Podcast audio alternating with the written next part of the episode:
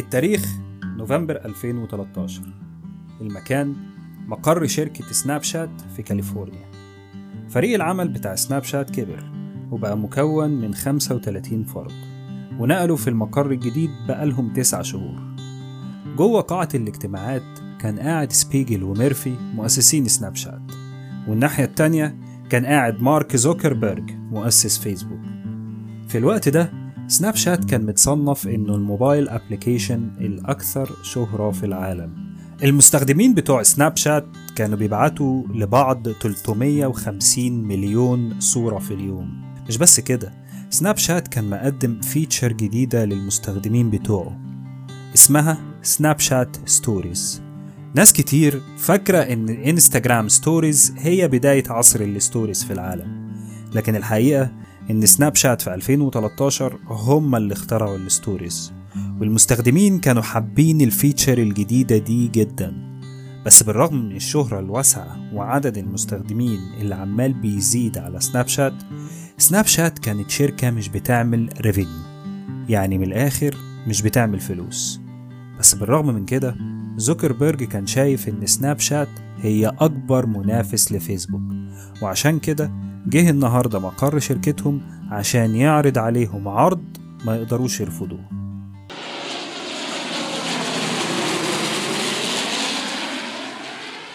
بصوا يا رجالة أنا منبهر جدا بالنمو اللي أنتوا عملتوه لحد دلوقتي.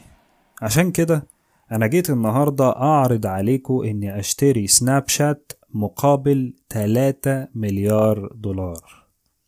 تخيل. 3 مليار دولار عرضهم زوكربيرج على مؤسسين سناب شات مقابل إنه يستحوذ على الشركة بتاعتهم اللي أسسوها من سنتين ولسه مش بتعمل ولا مليم. طبعا الرجالة فتحوا بقهم ومش مصدقين نفسهم.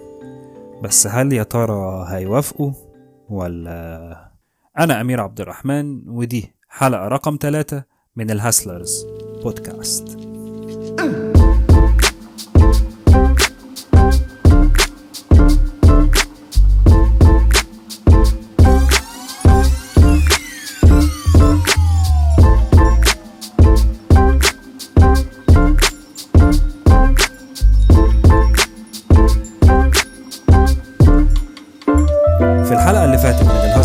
بودكاست عرفنا إزاي سبيجل وميرفي نجحوا إنهم يقنعوا venture capital أو VC يستثمروا في سناب شات اللي أسسوها. لو ما سمعتش الحلقة اللي فاتت وقف الحلقة دي حالا. وارجع اسمع الحلقة اللي فاتت عشان تكمل معانا بقية الحكاية. نرجع بقى لأوضة الاجتماعات في مقر شركة سناب شات. سبيجل كان مصدوم مش مصدق الرقم وكان بيحاول يجمع أي كلام يقوله. كل اللي جه على دماغه ساعتها إنه يسأل زوكربيرج ويقول له أنت هتدفع المبلغ ده كاش؟ زوكربيرج رد بابتسامة طبعا كاش سبيجل وميرفي كل واحد فيهم ليه أسهم في الشركة دي بنسبة 25% يعني بحسبة صغيرة كده الصفقة دي لو تمت كل واحد فيهم هياخد 750 مليون دولار. بس سبيجل طول عمره حويط ومش بيتاكل بسهولة. فبص لزوكربيرج وقال له بص أنت فاجئتنا طبعا بالرقم بس أنا وميرفي محتاجين نتكلم شوية في الموضوع. رد زوكربيرج وقال له بس أنا عايز رد دلوقتي. سبيجل قال له ماشي بس استنانا بره شوية. سبيجل في الوقت ده كان عنده 23 سنة ولسه عايش في بيت أبوه. صفقة زي دي تأمن له مستقبله ومستقبل عياله وعيال عياله. زوكربيرج خرج وسبيجل ابتدى يبلع ريقه كده ويفكر شوية. وبص لميرفي وقال له ها إيه رأيك يا صاحبي ميرفي قال له مش عارف يا أبو الصحاب إحنا ما كناش ناويين نبيع بس الرقم ده كبير قوي. بس أنا برضو مش عايز أعمل زي مؤسسين إنستجرام. لما باعوا شركتهم لفيسبوك بمليار دولار بس في 2012 وبعد سنة قيمة الشركة بقت عشرة مليار دولار. يعني عشر أضعاف الرقم ده. أنا مش عايز أبيع بدري يا صاحبي. سبيجل قال له عندك حق ولا أنا كمان. وبعدين أنا عايز أكبر سناب شات لحد ما تبقى أكبر من التلاتة مليار دولار اللي عرضهم زوكربيرج دول. أنا عايز سناب شات تكبر لحد ما تبقى أكبر من فيسبوك نفسها. ميرفي قال له يعني هتقول له لأ يا صاحبي؟ سبيجل رد هقول له لأ يا صاحبي. وفعلا سبيجل نده على زوكربيرج وقال له إحنا مقدرين زيارتك لينا ومتشكرين على العرض الخيالي بس إحنا مش هنبيع سناب شات. طبعا زوكربيرج اتصدم. مين العيال الصغيرة دي اللي يرفضوا عرض زي ده؟ دي أكيد عيال عبيطة. زوكربيرج سلم عليهم ومشي. خطوة زوكربيرج كانت ما هي إلا محاولة منه إنه يتفادى الحرب مع سناب شات. بس رد سبيجل وميرفي خلاه خارج وهو في نيته حاجة واحدة بس إنه يدمر سناب شات.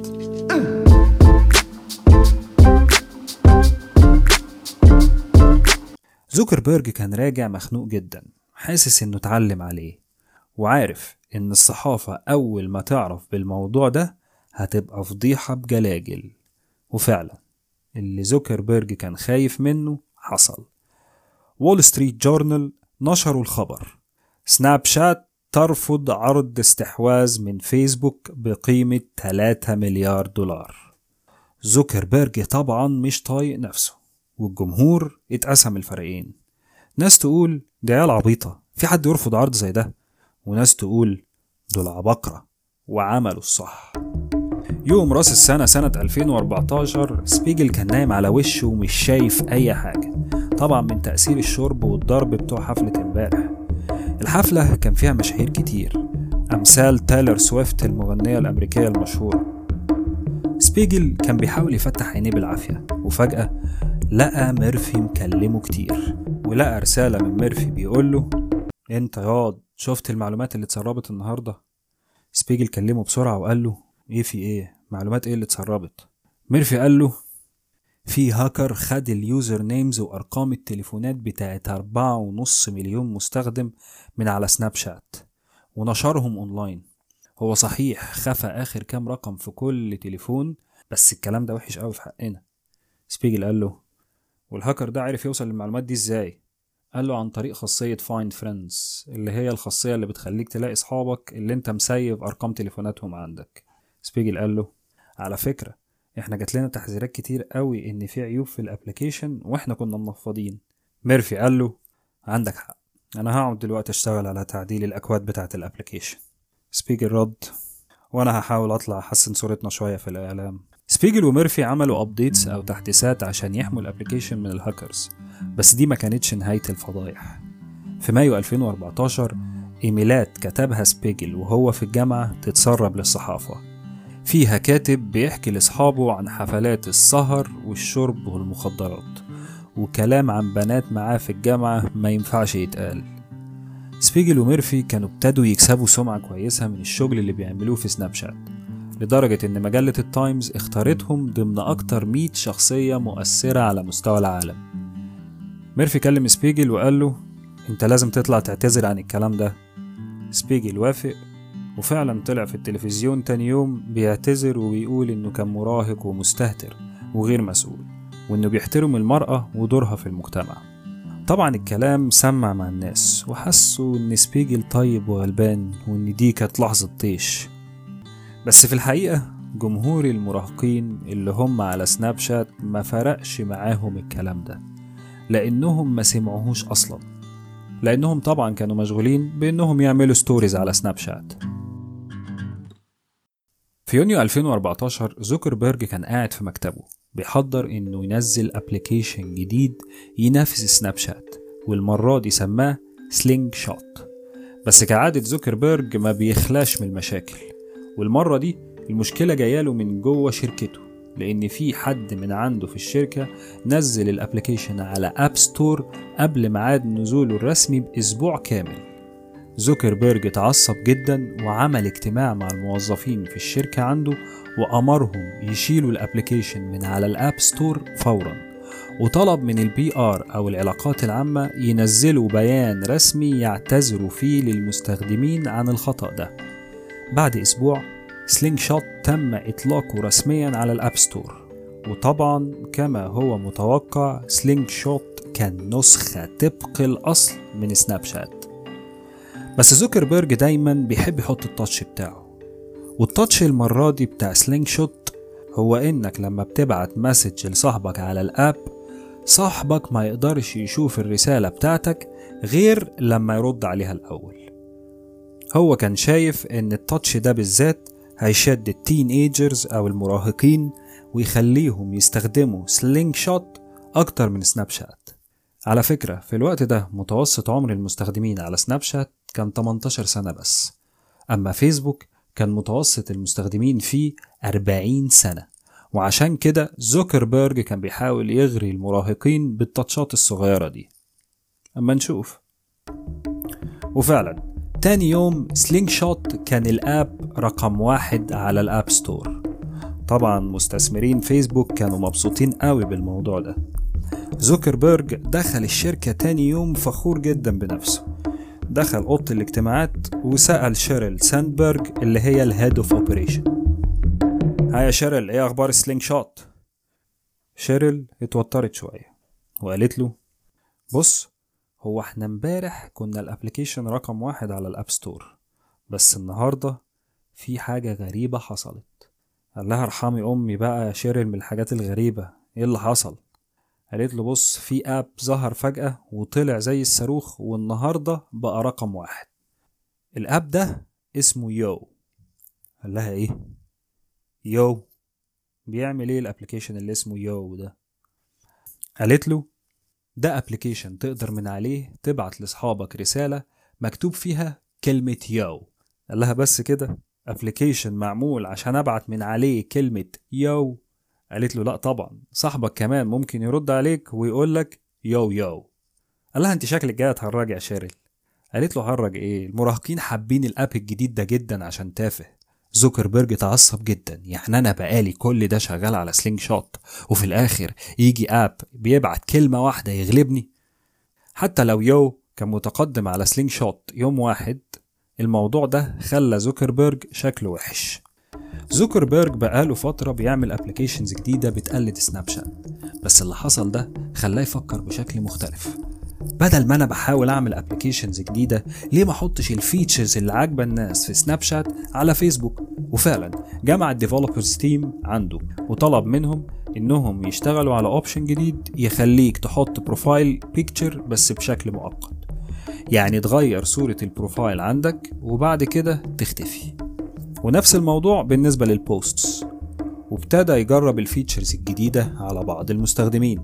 الفكرة دي فيها ميزة كويسة. إنه بدل ما يحاول يقنع الناس ب applications جديدة ينزل ال features دي للمستخدمين اللي على فيسبوك وانستجرام already وبالشكل ده يقدر يختبر إذا كانت الفكرة عجبت الناس ولا لأ قبل ما يطلقها أصلا بشكل رسمي.